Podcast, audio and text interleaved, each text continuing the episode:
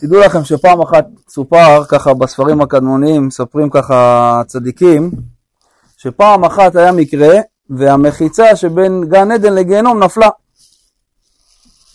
נפלה, נפלה המחיצה. עכשיו מה קורה? בגן עדן הכל טוב. לומדים תורה, מזגן, נעים, יש משב רוח טוב, לא חם, לא קר, נעים. המחיצה נפלה, מה קרה? הלהבות והחום של הגיהנום התחיל להיכנס לתוך גן עדן. נהיה חם, צדיקים נהיה להם חם, מזיעים, ריח לא נעים של השרפות, של הזה. באו לרשעים בגיהנום, תשמעו, כנראה זה מהחום, מה... מרוב שיש פה חום גבוה בגיהנום, נפלה החומה. שיבשתם את החומה, היא נהרסה בגללכם. נפלה החומה, ועכשיו אנחנו סובלים, אתם צריכים לבנות את החומה מחדש. הרשעים אומרים, מה פתאום, זה חומה משותפת, מי אמר שאנחנו חייבים? אולי זה מאצלכם. אולי זה, אתם גרמתם לזה שזה ייפול. לא, אנחנו לא רוצים לבנות. טוב, אמרו בואו נלך לג... לדין תורה. הלכו הרשעים והלכו הצדיקים לדין תורה, לראות מי צריך לבנות עכשיו את החומה. הרשעים אומרים את הטענות שלהם, הצדיקים אומרים את הטענות שלהם, ודין הגיע למסקנה. יש תשובה. המסקנה שהצדיקים צריכים לבנות את החומה שבין גן עדן לגיהנום. ומה הנימוק? אתם יודעים למה יצא שהצדיקים בסוף צריכים לבנות את החומה? כי כל הרשעים בגיהנום הם עורכי דין. רק מתווכים יכולים עליהם. סופר, אומר איזה עורך דין, ייצג איזה רוצח. רצח כמה אנשים וזה, יש ראיות, זה, עדים, מצלמות. בקיצור, היה מפולפל ככה עורך דין, הצליח לשכנע את כולם, גם את השופט, שהרוצח הזה לא רצח. הצליח לשכנע, והוציא אותו זכאי. הוציא את הרוצח זכאי. טוב, נגמר הדיון וזה, הוא יצא זכאי, כולם מבסוטים, בלונים, זה, זה, שמחה, עוגות, כל המשפחה באים. אז העורך דין בא ל... בא ל... לבן אדם, לרוצח עצמו, אומר לו, תגיד, איך, איך הייתי בדיון? מה, מה, מה אתה אומר? אומר, וואלה, אחי, שכנעת אותי שאני באמת לא רצחתי.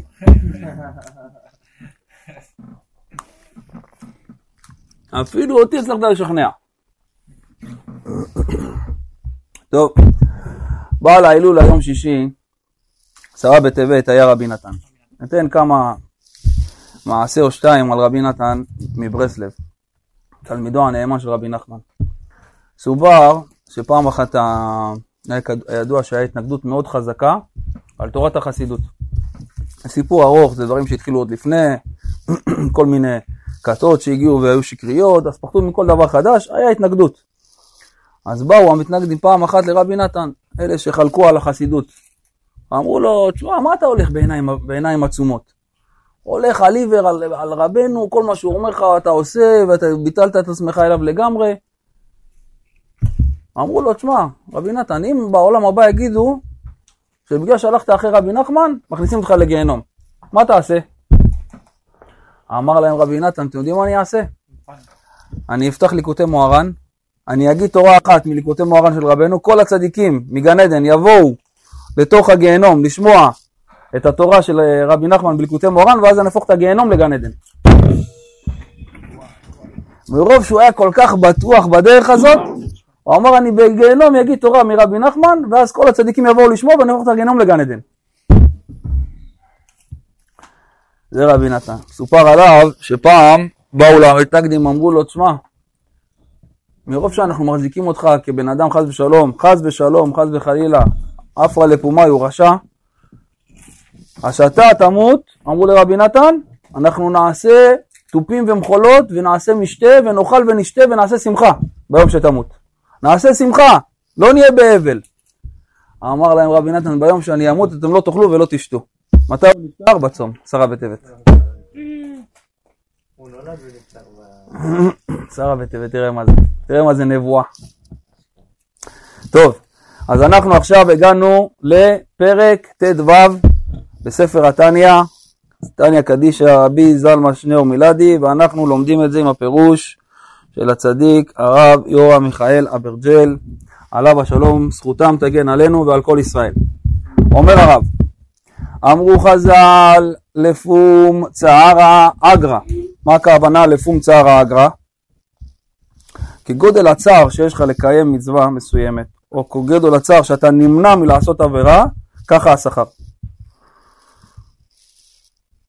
כן? יכול להיות סתם דוגמה עכשיו, יש לנו עכשיו, שנינו יש לנו חשק עכשיו לדבר לשון הרע. אבל אני עכשיו ההתגברות שלי זה כמו להרים, סתם דוגמה, שתי קילו, ההתגברות לא לדבר לשון הרע. ואצלך בשביל עכשיו לא להוציא את המילה הזאת של הלשון הרע לאותו פלוני, בשבילך זה 200 קילו. השכר שלנו בשמיים זה יהיה שמיים וארץ. אתה תקבל אלפי שנות, אלפי שנים בגן עדן ואני אקבל אולי איזה חודש, חודשיים. למה? כי לפום צער האגרא, כגודל הצער שיש, ככה מקבלים את השכר. אחד בא ערני לשיעור, בא ישן, בא ערני, כמו שור, יושב, שומע, מבין הכל, זה, זה, אחרי אוכל, אחרי... מבסוט. אחד בא אחרי עבודה, קם בארבע, חמש לפנות בוקר, בא אחרי עבודה, ונלחם עם עצמו, לא הולך לישון, מושך, נושך את השפתיים ובא לשיעור. חושב שהשכר יהיה אותו דבר? לפום צער האגרא. אומרים חכמים גם מה זה לפום? לפום בארמית זה פה. אתה רוצה לדעת מה השכר, אתה רוצה לדעת איפה השכר הכי גדול? שיש לך צער בפה להגיד איזה משהו מסוים או לענות למישהו ואתה לא עונה לו. יש לך איזה חשק עכשיו להוציא איזה לשון הרע, איזה ליצנות, איזה בדיחה ככה לא במקום, לקרוע את כולם, לצחוק על איזה מישהו, ויש עכשיו צער בזה שאתה מונע את עצמך בפה שלך ואתה לא מדבר, אגרא. זה השכר הכי גדול שיש. לפום צערה, שאתה מצייר את הפה שלך ולא מדבר, אגרא. שם השכר נמצא. רמז לדבר. טוב. אומר הרב, אמרו חז"ל במסכת אבות, לפום צער אגרא. כלומר, אדם שעמל בתורה, מתוך צער, לפי מה שהצטער בתורה, כך יהיה שכרו גדול יותר. אדם יש לו עכשיו שמונה שעות, שהוא צריך סתם דוגמה ללמוד בכולל. יש אדם שמונה שעות בשבילו, זה כמו שעכשיו אתה תוקע לו סכינים וחרבות, זה קשה לו. לעמוד בסדרים ולעמוד עם, עם החברותא ולהספיק לעשות את ההספק היומי, קשה לו. ואחד עושה את זה בהליכה. נשאר גם עשר שעות, גם נשאר שעתיים אחרי, לא מפריע לו.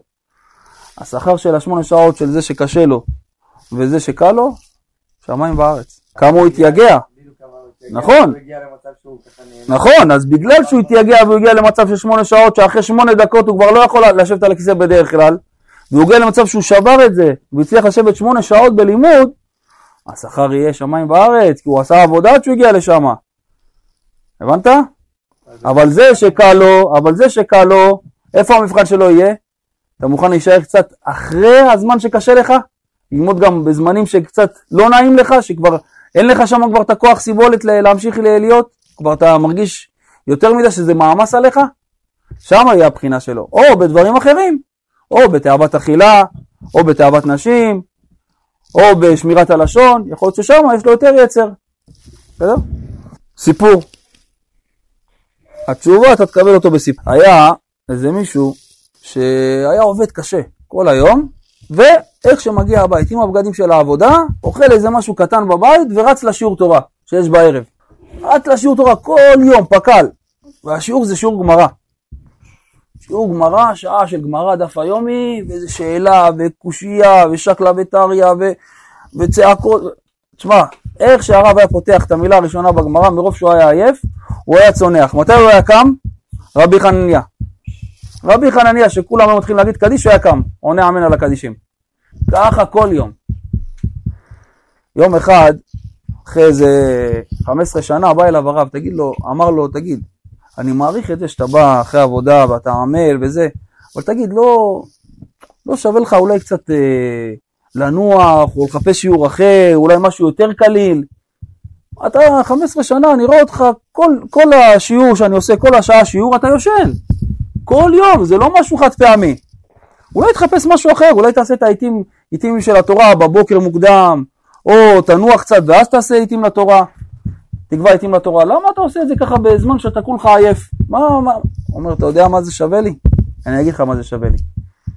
שיש לי ילדים בני שמונה, בני עשר, ילדה בת ארבע עשרה, והם רואים שאני בא סחוט מעבודה, ועייף, וכולי מזיע, וכולי עם בגדים מלוכלכים, ורוצה כבר להתקלח, ורוצה כבר לשבת, לנוח, לשים רגל על רגל, לנוח קצת על הספה, לנוח, לשים את הראש על הכרית, והם רואים שאת כל המאמץ הזה ואת כל החשק הזה אני בא ומוסר את זה בשביל ללכת לשיעור תורה, אף על פי שאני נרדם, אבל מה, מה נכנס להם בשכל, אומר, אמר לו לכבוד הרב?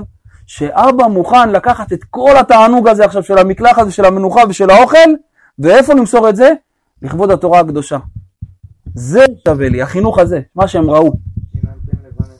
זה מה שהם ראו, כי ילד לא גודל על פי דרשות. ילד לא גודל על פי מה שאומרים לו, אלא על פי מה שמראים לו. הוא רואה אבא נלחם, מקיא דם על התורה. זה לא משנה לי מה אני עושה פה. אני מגיע, אני עושה את שלי. הם ראו שהלכתי לשיעור תורה, עשיתי את העבודה. זה נכנס להם בעצמות. זה נכנס להם בעצמות. וחוץ מזה, תחשוב עכשיו סיטואציה כזאת, בן אדם עכשיו רואה משחק ברזיל נגד הולנד. משחק, והוא באטרף, והוא לבש צעיף, והוא שם נעלי פקקים, והוא שם את החולצה של אה, שחקן מברזיל מספר 7 עם השם, והוא נעול עם הבירה, והבירה מזיעה, והוא עם הגרעינים, וכולם, כל הבית באטרף, והוא מכניס את כולם לחשק, ומביא את החברים, ויש אווירה, ווואו וואו וואו. עכשיו מה קורה? תוך כדי המשחק, הבן אדם קצת צנח.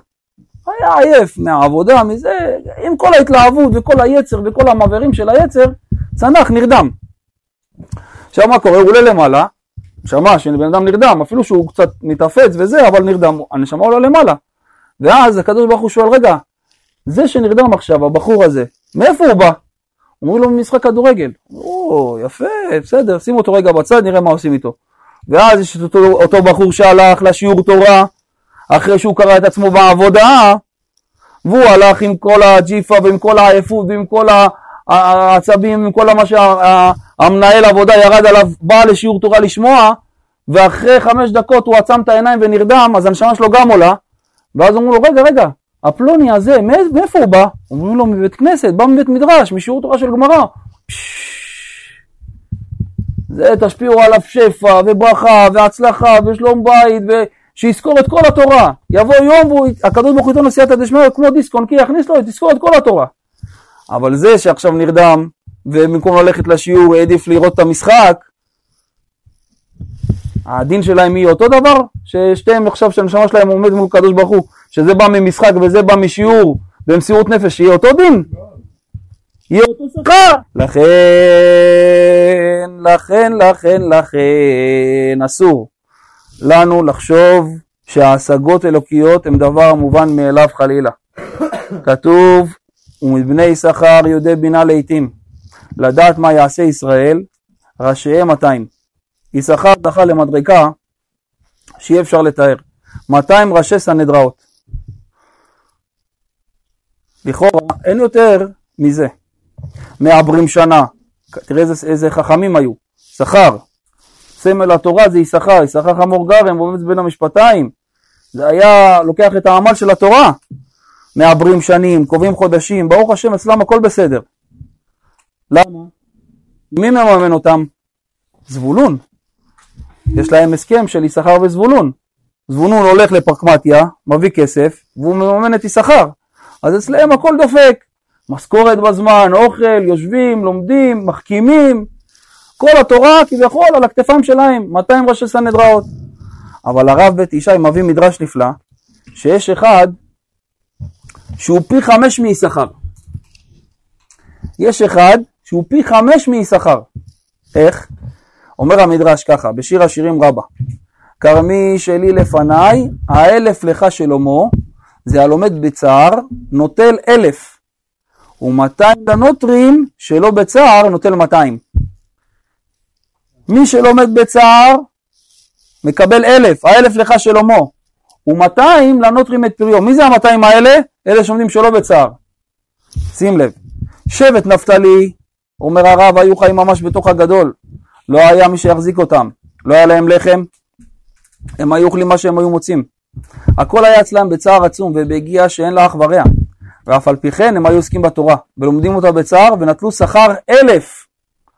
מה השכר שלהם על הצער? אלף. והראיה ממה שכתוב בנפתלי, שרי אלף. שמת לב? כמה שכר יש להם? 200. וכמה ראשי סנהדראות יש אצל נפתלי? אלף. פי חמש יותר. אבל בני יששכר היו לומדים תורה שלא בצער, כי היה להם שותף. הרי תמיד זבולון החזיק אותם, יש להם הוראת קבע, הכל דופק כמו שצריך. לא דואגים. זבולון היה לו שפע גדול, כמו שכתוב שפע, כי שפע ימים ינקו וספוני תימוני חול. זה היה זבולון שמממן את יששכר. לכל אחד משבט יששכר היה אחד משבט זבולון שהיה דואג לכל מחסורו. הבנת? אחד מול אחד, ראש בראש. אחד מיששכר יושב ולומד תורה, ממולו יש אחד מזבולון, הולך מביא לו כסף, מממן אותו. כל אחד משבט זבולון מחזיק אברך. מקבל, מחזיק אברך כן, אבל תראה מה, קל לו. למה? הוא יודע, הכל זורם. הוא מקבל שכר של הלימוד, כמו שאתה אומר, והוא מקבל את הכסף, אבל הכל ב, לא בצער, הכל בנחת. אומר הרב, אין אחד משבט יששכר שלא היה מסודר. וכיוון שיש להם כסף ויש להם נחת רוח, ברוך השם לא חסר להם כלום. למה שלא יהיה להם ראשי סנהדראות? עומדים, מחכימים, אין אף אחד שיפריע להם. כמה שהם רוצים לעמול בתורה ולהחכים, בלי טרדות העולם הזה הם יכולים. אין טרדות העולם הזה. ולמה שלא יהיו דיינים? ראשיהם 200. זה יששכר, שים לב. האלף לך שלמה, מי זה? נפתלי. ומאתיים לנוטרים את פריו? יששכר. פי חמש יותר. ממשיך המדרש ואומר, רב יהודן בשם רבי בון אמר, הלומד תורה שלא במקומו נוטל שכרו אלף, ובמקומו נוטל שכר מאתיים. שבטו של יששכר למדו במקומם, שבטו של נפתלי שלא במקומם. זה כמו סוג של גלות, שזה לא במקומם. ופירש בנותנות כהונה שבטו של נפתלי, שלא היה במקומם, שתמיד הולכים בשיירה. נפתלי קיבל ברכה מדהימה. נפתלי שבע רצון. מה זה שבע רצון? מבסוט ממה שיש לו. מסתפק במה שיש לו. שבע רצון. מה שהקדוש ברוך הוא נתן לו, הוא שבע. יש לו עין שבעה. מה הכוונה? שים לב. כל מה שיש לו הוא שבע רצון, לא מוטרד כלל. הוא מסתפק במועט ושמח בחלקו. ואחר כך כתוב, הוא מלא ברכת השם. שים לב, אם אתה שבע רצון ואתה שמח במה שהקדוש ברוך הוא נתן לך, ברכת השם לא תעזוב אותך, תמיד הבית שלך יהיה מלא. לא יהיה לך חסר אפילו גרגיר של חומוס בבית. הכל יהיה פול. אין מצב של חוסר, הכל בשמחה. ים ודרום ירשה. ים זה חמישים שערי בינה. דרום זה החוכמה. הרוצה להחכים, ידרים. המנורה הייתה בדרום, רמז החוכמה. גם בני שכר זכו לתורה. אבל הם למדו תורה במקומם כאשר הכל בסדר, ולכן אין מה להתפעל מהם. אלא יש נוד מנפתלי. נפתלי שבע רצון ומלא ברכת השם.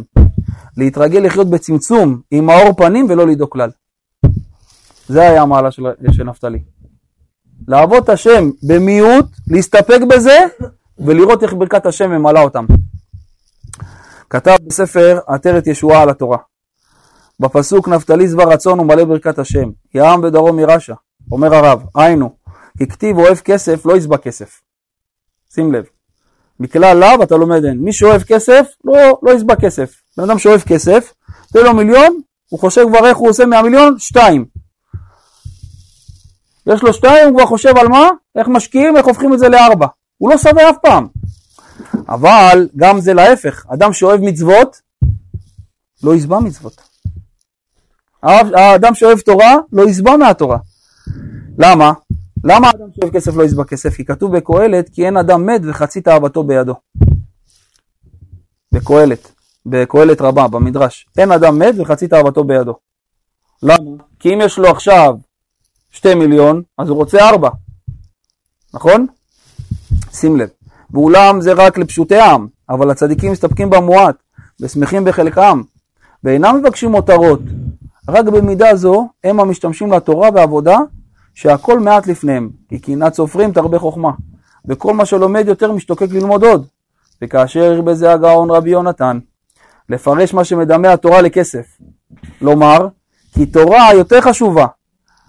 הלא אינו בסוג אחד, וכתב לתרץ זה על כל פנים, בסוג זה הם השווים, שכמו בתורה שכל מה שלומד יותר אינו מסתפק עצמו בזה ומשתוקק יותר, כמו כן אוהב כסף, לא יסבע כסף. והיה דבריו. והנה, אף הצדיקים העוסקים בתורה, ועבודה, אינם פונים לצורכי העולם הזה, ומסתפקים במועט. עם כל זה הקדוש ברוך הוא שולח ברכתו להם והברכה באה להם לתוך ביתם. כמו שמצינו אצל יוסף, ויברך השם את בית המצרי בגלל יוסף. וזאת הייתה בגדי שתהיה לו הרחבה. וזהו שנאמר נפתלי שבע רצון. זה, למי זה רומז? אומר הרב, זה רומז לצדיק, שהוא מחובר לקדוש ברוך הוא בדבקות. למה? כי נפתלי זה מלשון נפתולי אלוקים. הכוונה מה? הוא התפתל כביכול עם אלוקים, הוא מפותל איתו ביחד, מחובר, מקושר איתו ביחד. והוא שבע רצון, שמשביע רצונו ואינו חפץ במותרות בצורכי פרנסה, מכונה בשם שבע. ואינם מאותם אנשים אשר רצונם לא שבע בשום פעם, ועם כל זה, מלא ברכת השם. הקדוש ברוך הוא משביע ברכתו בביתו. רק ים ודרום ירשה, כי התורה נקראת בשם ים, וגם הרוצה להחכים ידרים. עד כאן. חוכמת התורה במצולות ים, התלמוד נקרא בשם ים דרום. וזהו ים ודרום ירשה, היינו שמידה זו שלא להשביע הרצון, רק לבקש עוד, הם לוקחים לירש התורה עד בלי די.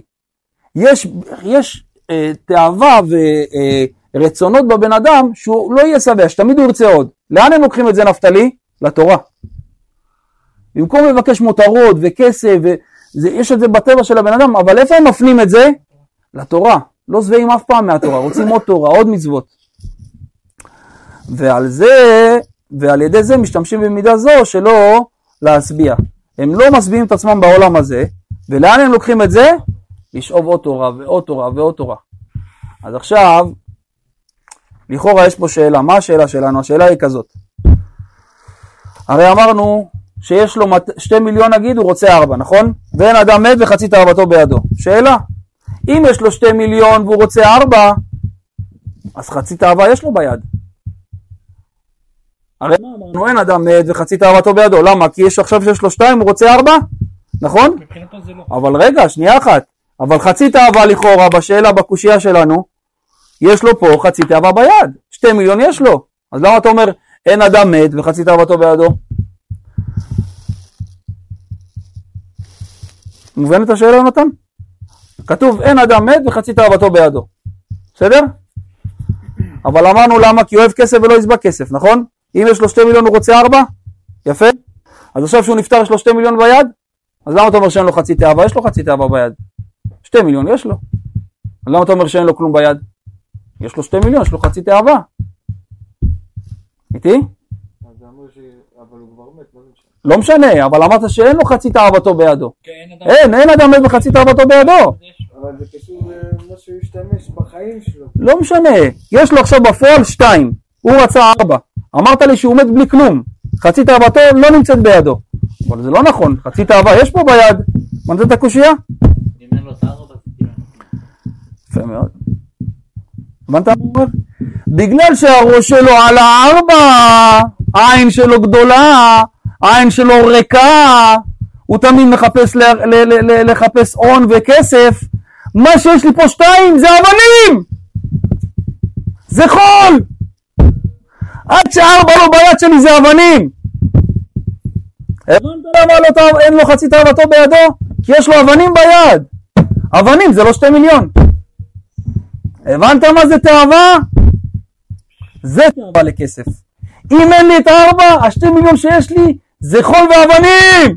זה כלום! גורניש, קח את זה לפח מצידי! כי הוא חושב שהוא יחיה פה לנצח, אז הוא אוסף ואוסף ואוסף ואוסף. למי? למה?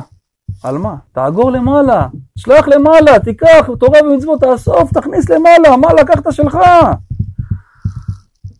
איך אמר יוסף לפרעה?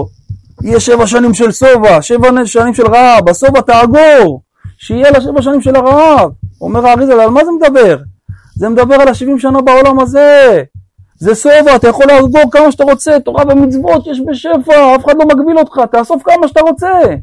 למה? כי למעלה זה רעב, אין כלום. אם אתה תאסוף פה, יהיה רעב למעלה. בשבע שנים, בשבעים שנה פה תאסוף כמה שיותר, ואם לא תאסוף, לא יהיה לך מה לאכול ולשתות, לא יהיה לך במה לה- לה- להתלבש. בושה וחרפה. תאסוף. העולם הזה דומה לחתונה. לחתונה, לאולם חתונות, שאתה יכול לאכול ולשתות ולהזמין כמה שאתה רוצה. חצי שעה אחרי שנגמר האירוע, והמלצרים מתחילים לפנות את כל הכלים ואת כל המגשים ואת כל השולחנות ומרימים כבר את המפות, תבוא, תבוא לשם, תבקש עוד מנה, תבקש עוד איזה קינוח, תבקש עוד, עוד שתייה, תבקש את המנה העיקרית, לא קיבלתי. יצחקו עליך, יבטאו לך בראש. יבטאו לך בראש, מי אתה בכלל? איזה שעה אחרי האירוע, אנחנו רוצים להתקפל מפה, לעוף הביתה, מי... אנחנו פה מחמש, פה מארגנים את האולם, על מה אתה... איזה... אומר לך, זה ככה זה העולם הזה, אתה פה נמצא, אתה כמו באולם, אתה יכול לחטוף, לחטוף, לאכול, חטוף ואכול כמה שאתה רוצה. למה? כי כשנגמר, ויש שריקת הסיום, ובן אדם עולה למעלה, זה כמו שנגמר האירוע. אין יותר כלום. מה חטפת ואכלת שלך? מה לא? סלמת חביבי. אומר, שים לב, אומר הרב ככה, לכן זה מעלה שאברך לומד תורה מתוך צער, וגם לפעמים אין במקרר מה לאכול, הלא תמיד אפשר להסתדר, יש כמה לחמניות וכדומה. לא מדובר שהוא מגיע למצב של פיקוח נפש שאחזו בולמוס. ביסודם של דברים אלו דן מרן החזון איש, עליו השלום, בספרו אמונה וביטחון, כי האישיות, היותר חמודה והיותר מעולה מהכרת התורה היא האישיות הראויה להיקרא בשם תלמיד חכם. ואשר לאיש היקר הזה, הרשה רבי עקיבא לעצמו להשוות מוראו למורה של המקום ברוך הוא. אומר החזון איש, רבי עקיבא הסכים והגיע בדעתו למסקנה שתלמיד חכם מרוב שהוא נעלה ויקר הוא שווה במורה שצריך לפחד ממנו כמו הקדוש ברוך הוא. את השם אלוקיך תירא לרבות תלמידי חכמים. ולרבותו בקרא דעת השם אלוקיך תירא. ואם כה איפה אם נדע את הקניינים החמודים אשר על ידם קנה שם תלמיד חכם נדע את המעשים הסגוליים החביבים לפניו יתברך במעשה האדם בהנהגתו על פני הארץ בצבא ימיו. אם תדע את הקניינים של התורה ואיך נקראים תלמידים חכם, איך, איך בן אדם יכול לקרוא תלמיד חכם, מה אתה יוצא בעצם? שאתה קונה את הסגולות הכי חביבות שיכול, שאתה יכול למצוא על פני כדור הארץ. אומר הרב, יש כאן יסוד נפלא, שאם אתה באמת תלמיד חכם ואתה עני ובצער, תדע לך שהגעת למדרגה לא פשוטה כלל. אתה שווה למקום ברוך הוא. אם אתה תלמיד חכם אמיתי, ואתה חי בצער, הגעת בהשוואה שלך לקדוש ברוך הוא.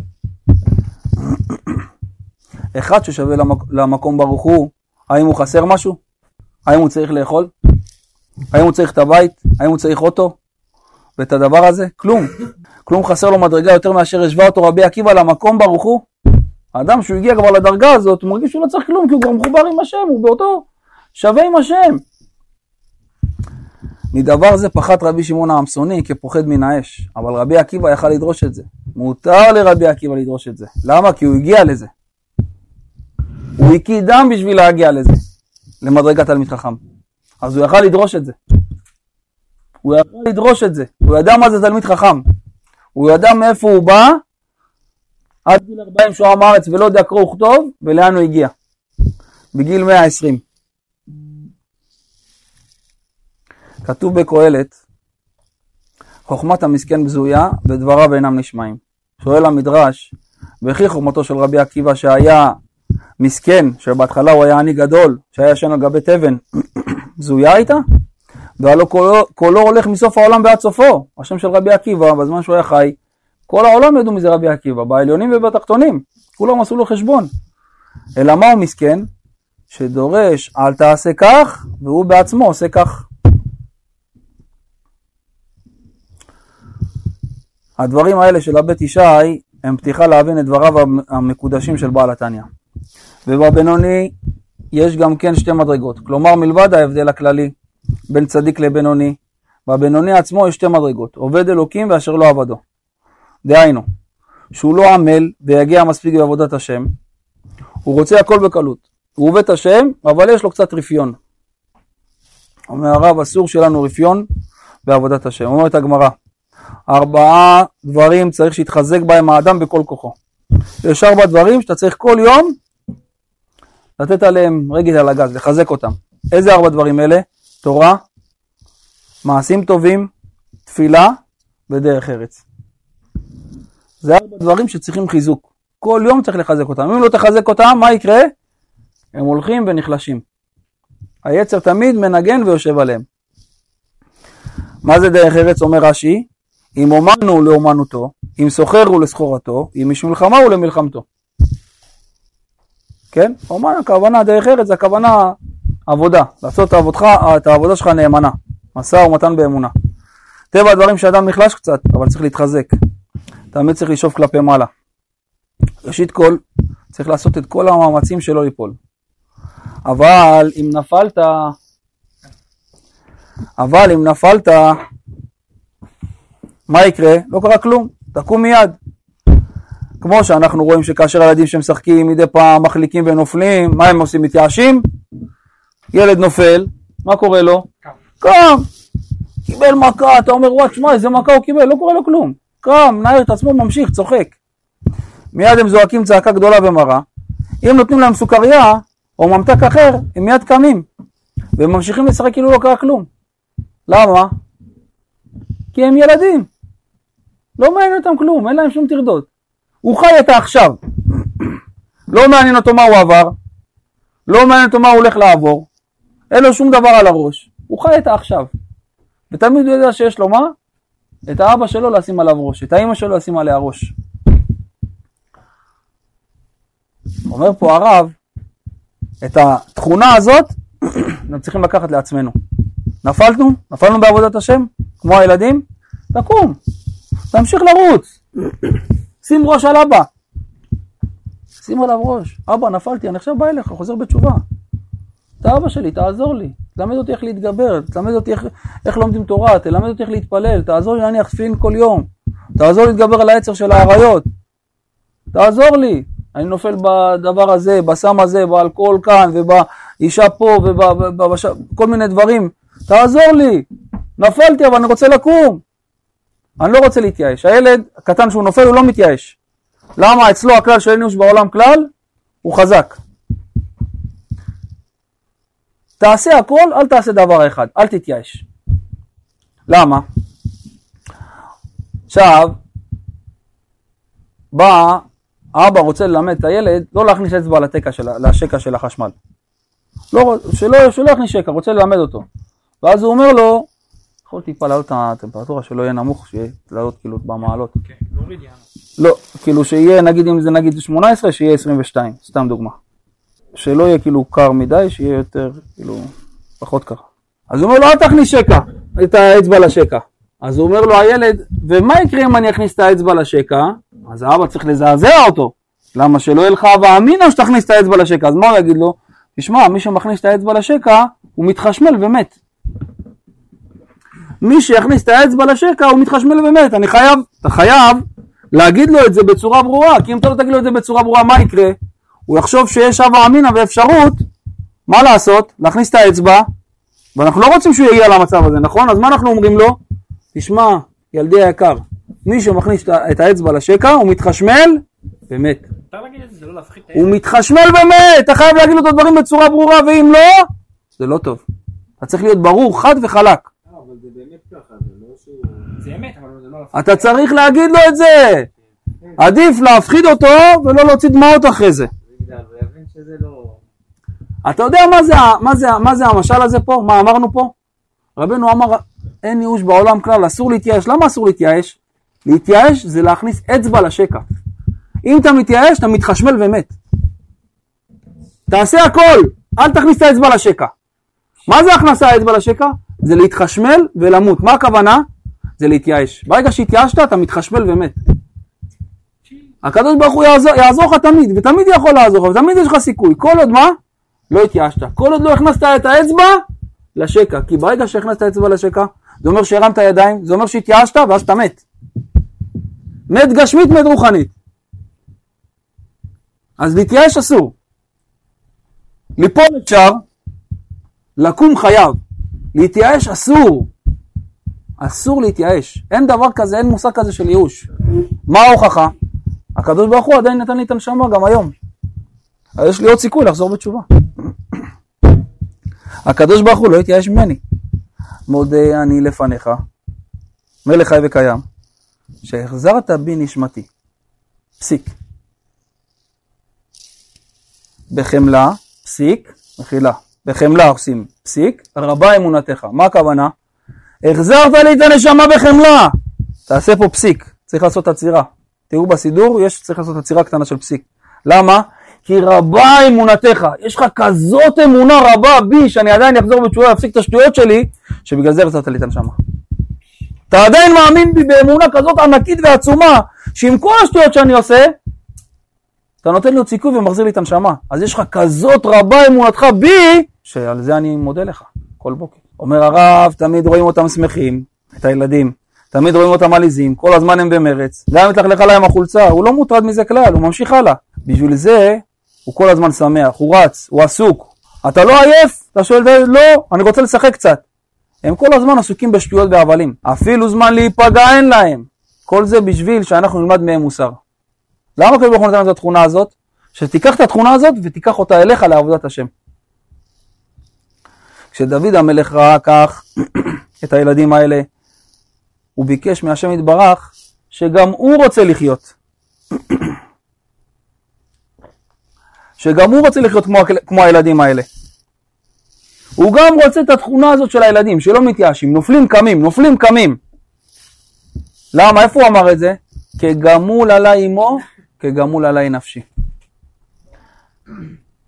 כמו הילד הקטן הזה, הזריר הזה, שיש לו את האימא על העז'יז'ה שלו, שהוא שם עליה את הראש ויונק ממנה ולא דואג, וגם אם הוא עשה צרכים היא מחליפה לו, ואם הוא עייף היא מרדימה אותו, ואם הוא רעב היא מניקה אותו, והוא יודע תמיד שיש לו מקום חם לשים את הראש, והוא לא דואג.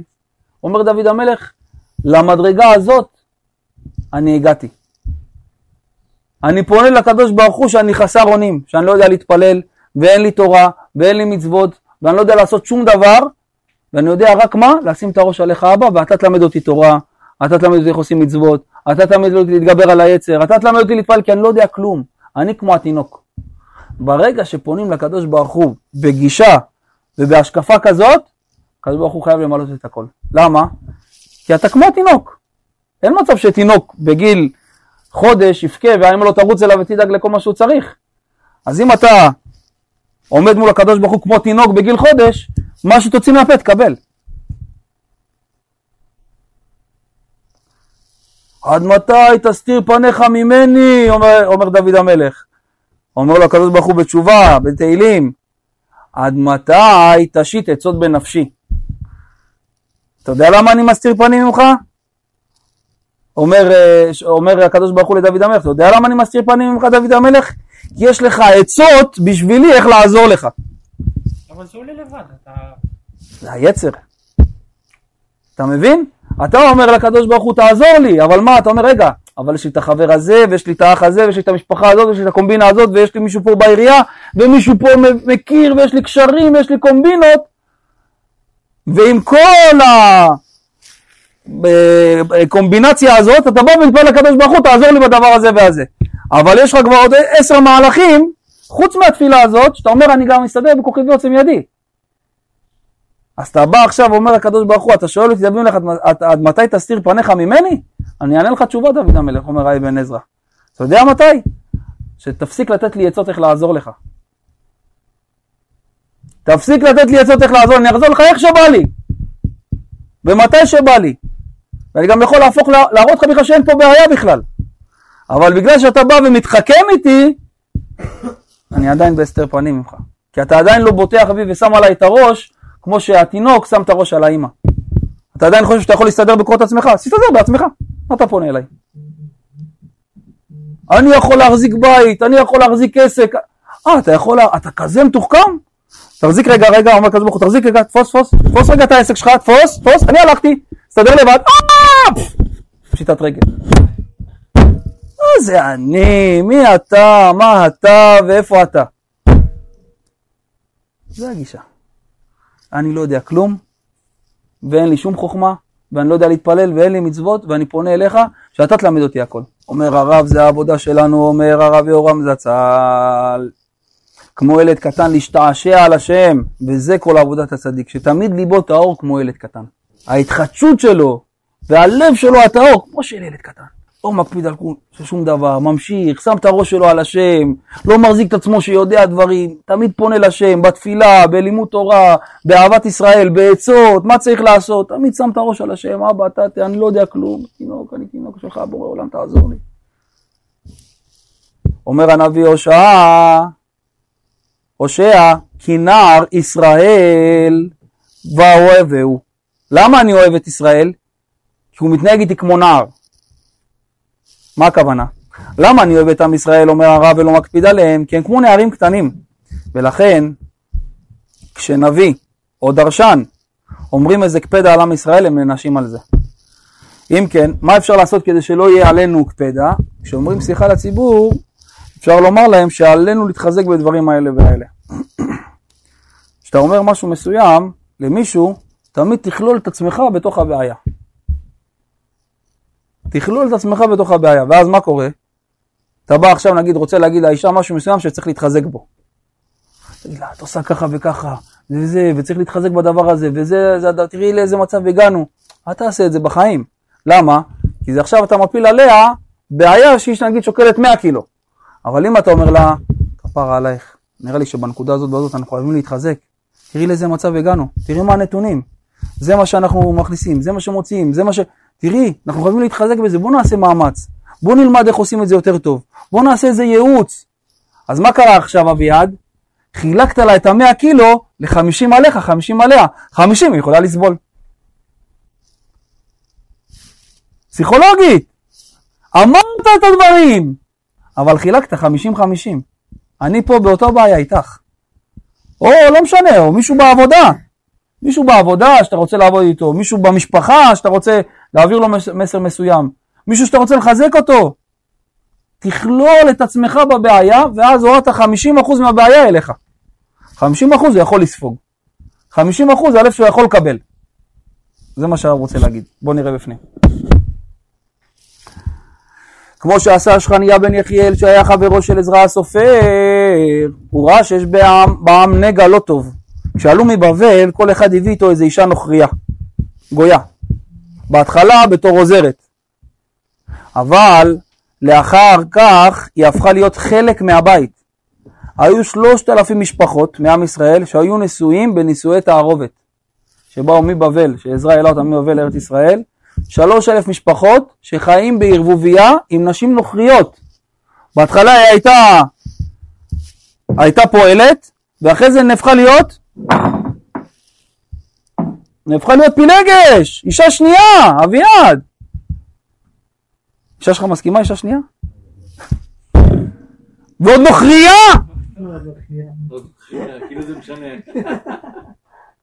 פימה. וואי וואי וואי, פימה אישה שנייה.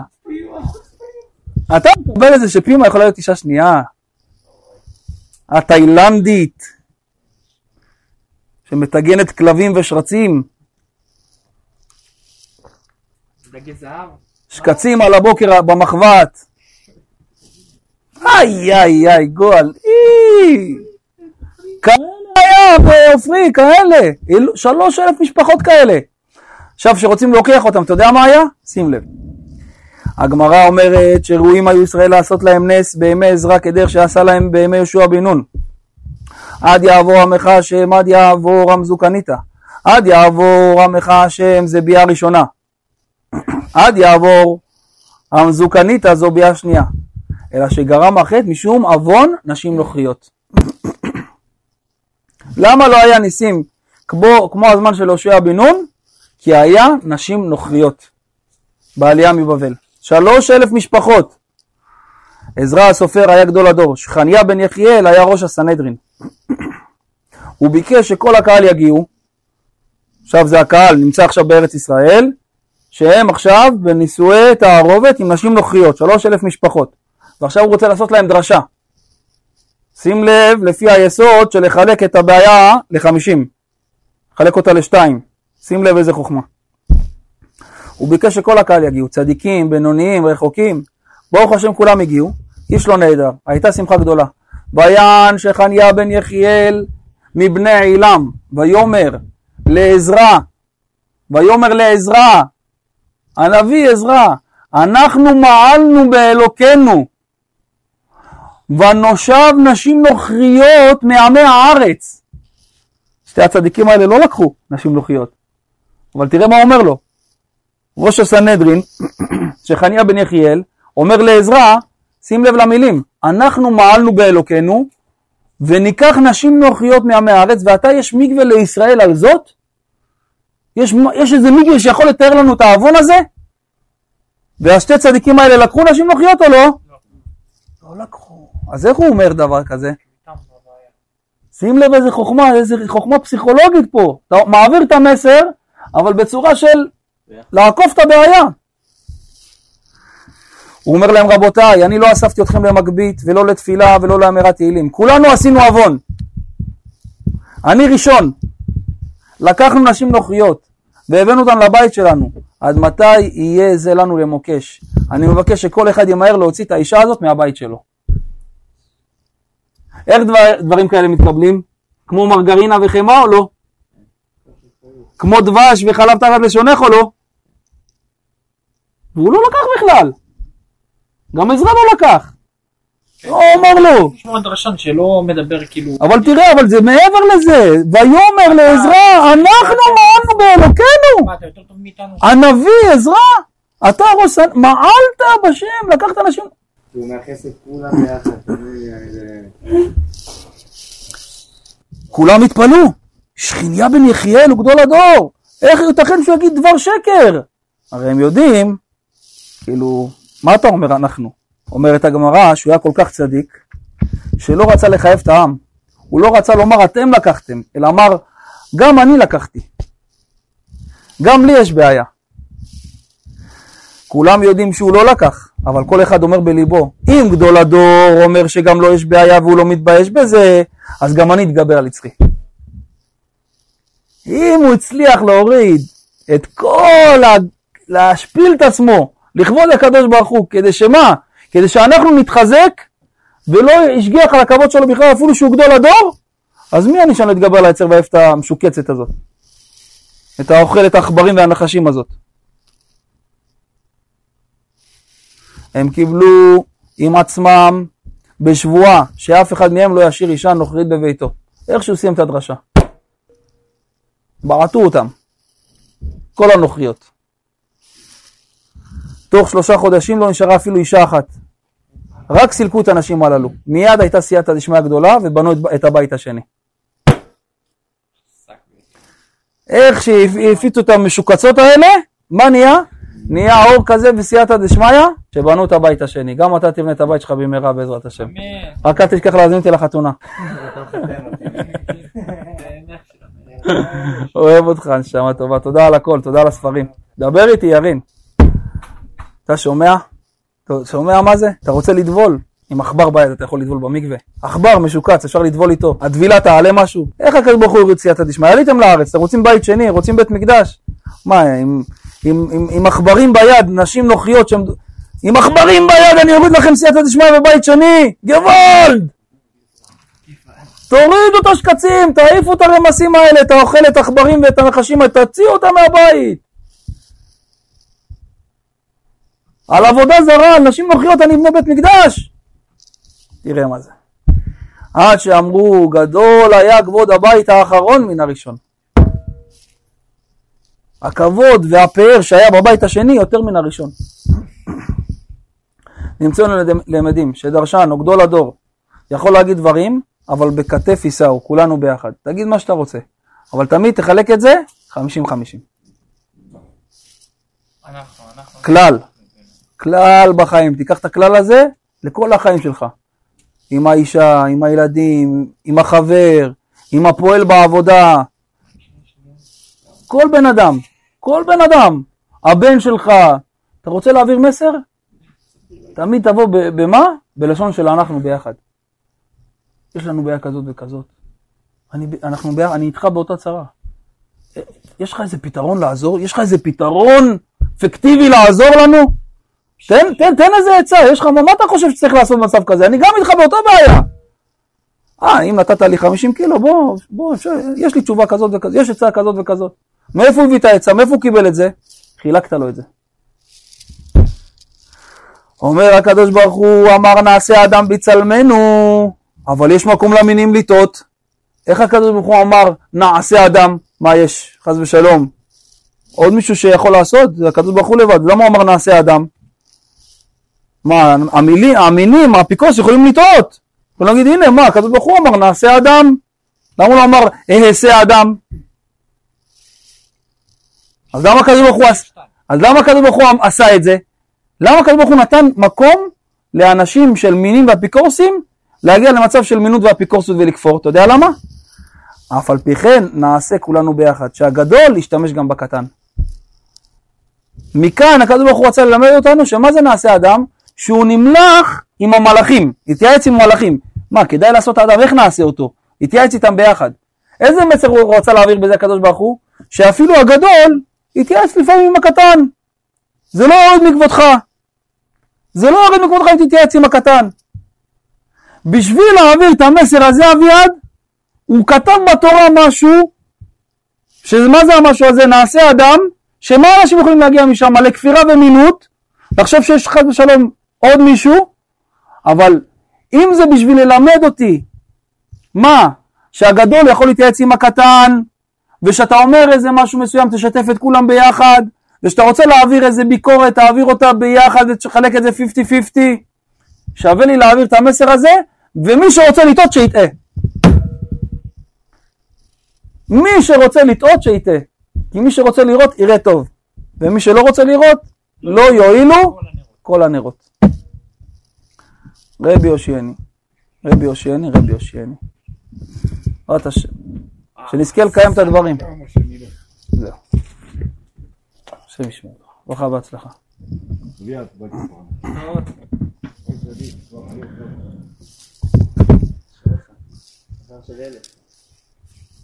האלף לך שלמה.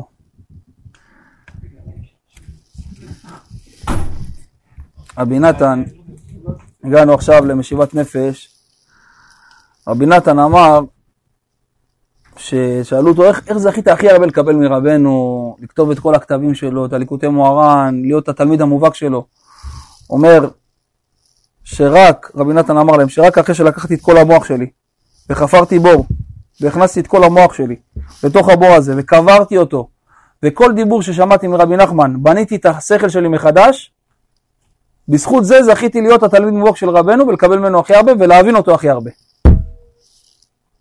ברגע שביטלתי את עצמי לגמרי ולא השארתי מהשכל שלי כלום, אז התחלתי לקבל מרבנו. אז התחלתי לעלות.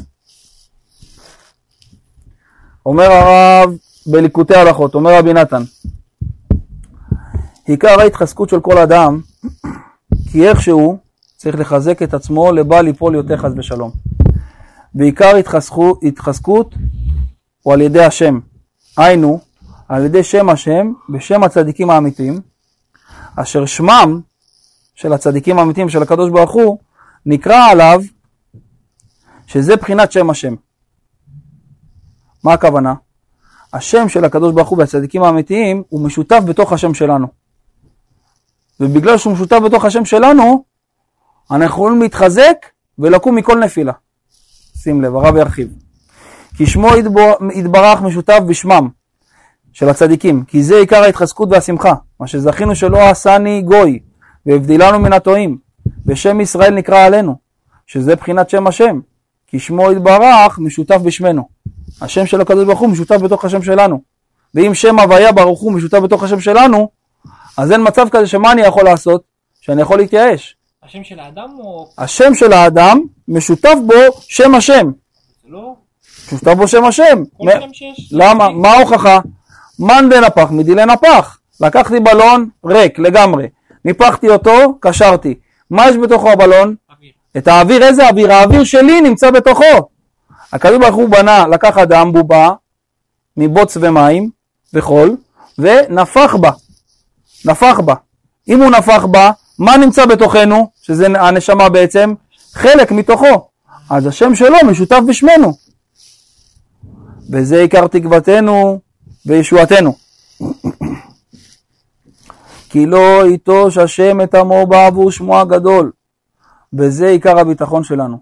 כי בשם קודשו בטחנו.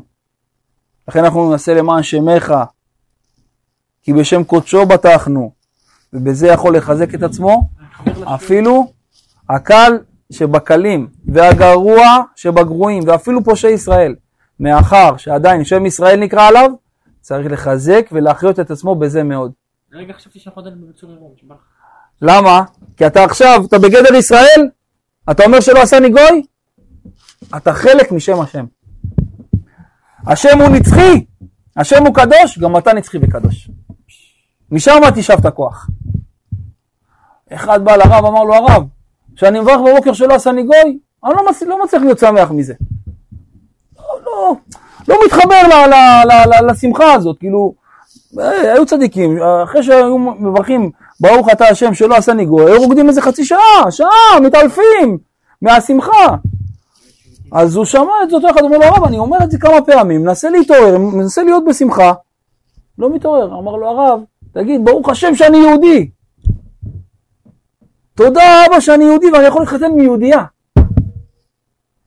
תודה שאני יהודי ואני יכול להתחתן עם יהודייה ולהביא יהודים לעולם. ואז נכנס לו שמחה. תבוא מצעד החיוב. אז מה אתה יכול לעשות? לפני שאתה מגיע לברכה של שלא עשה לי גוי, מה תגיד? אבא, תודה רבה שאני יהודי, ואני הבן שלך, ואני יכול להתחתן עם יהודייה, ולהביא יהודים לעולם. ואז תבהר, ברוך אתה השם שלא עשה לי גוי, ותראה איזה שמחה תהיה לך. למה? כי מה עשית אביעד? נתת הקדמה בשכל שלך ובנפש שלך, מה אתה הולך לעשות בכלל? איזה ברכה אתה הולך להוציא מהפה? הבנת? הקדמה. וההקדמה הזאת מה עשתה? הכניסה שמחה בברכה שלא עשני גוי. יש גם עוד ברכה, שלא עשני עבד, ברוך השם, שלא קוראים לי עבד, שלא קוראים לי נסראללה. לא, לא, לא, לא, לא, לא. בא בא בא בא בא בא ביי. תראה איזה דבר אומר לנו פה הרב. מכל שכן מי שזכה להתקרב לצדיקי אמת, שבהם עיקר הגדלת שם השם. בוודאי צריך לשמוח מאוד במה שזכה להיות שמם נקרא עליו. אומר לך, שם השם הוא נמצא בתוכך, אבל יש צדיק, שמה הוא יכול? יש עכשיו אפשרות, יש לך אה, אפשרות עכשיו שנגמר לך עכשיו הבטריה בטלפון. אז יש לך מציאות כזאת שהמטען שלך נמצא רק בבית.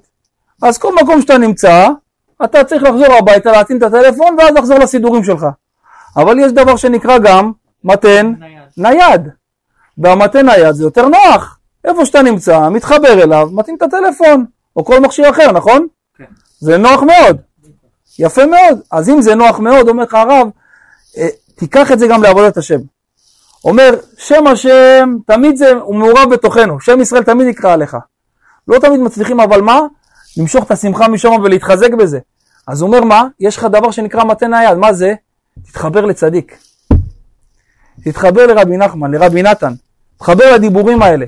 תיקח איתך ככה, ספר עמידות קטן ככה, ליקוטי עצות, ליקוטי תפילות קטן, תסתובב. ואז מה, מה יהיה לך? יהיה לך בעצם מהחיזוקים, מהדיבורים האלה, משיבת נפש, דיבורים כאלה, מה יהיה לך? יהיה לך מתן נייד. בשנייה אחת אתה מקבל טעינה של 100% במקום ללכת עד הבית ועד שאתה מגיע להבנה ולהכרה שהשם של הקדוש ברוך הוא משותף בשמך. הוא עושה לך כביכול קיצור דרך. עושה לך קיצור דרך. אומר הרב, כי באמת מאחר ששם ישראל, שהוא שם השם נקרא עלינו, אנחנו מחויבים לשמוח כל ימינו לעולם, כי עדיין יש לנו תקווה לכל הטובות ולכל הישועות ולמחילת עוונות, שמהם עיקר הדאגות והעצבות. בבחינת אדאג מחטאתי. למה בן אדם עצוב? בן אדם עצוב כי הוא נזכר בכל הדברים הלא טובים שהוא עשה. אומר רבנו אל תעשה את זה ככה. בוא נלמד לך שיטה. אומר רבנו על כל כף של התעוררות, כוונה להתעורר על החיים שלך ועל העוונות שאתה עושה, על כל, על כל כף של התעוררות, תיקח קערה של התחזקות. מה זה הדיבורים שאנחנו עושים פה עכשיו? זה דיבורים של מה? של התחזקות. אומר על כל כף התעוררות שמעורר אותך על כל החטאים וזה עושה לך, שובר לך את הלב ועושה לך הרהורי תשובה, על כל כף כזאת, כף, תיקח קערה של התחזקות. של כמה השם אוהב אותי, כמה כיף לעשות מצוות, כמה כיף שאפשר לדבר עם השם על הכל. קח קערה כזאת. פי מאה תיקח מה? קערה כזאת. ואיך זה מתבטא בחיים? על כל שעה של התבודדות, שאתה עושה חשבון נפש על כל השטויות ועל כל החטאים שעשית ומתוודה עליהם, וחוזר בתשובה עליהם, על שעה כזאת, אתה צריך להיות 23 שעות בשמחה. זה נקרא כף של התעוררות, כף של התעוררות שזה השעה של ההתבודדות של החשבון נפש, עליה תוסיף קערה של התחזקות שזה 23 שעות להיות בשמחה ולהתענג על השם.